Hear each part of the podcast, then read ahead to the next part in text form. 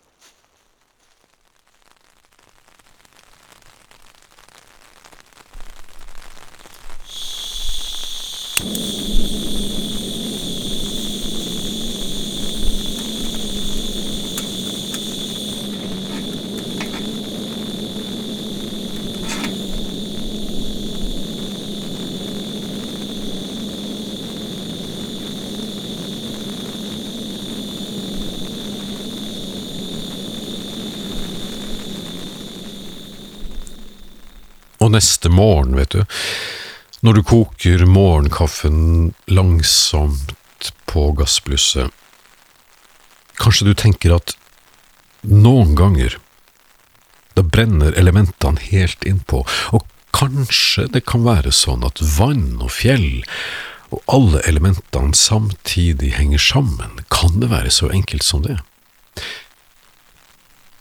Du har sorgen, du har savnet, som fosser akterut, et kjølvann blanda med svevende morild.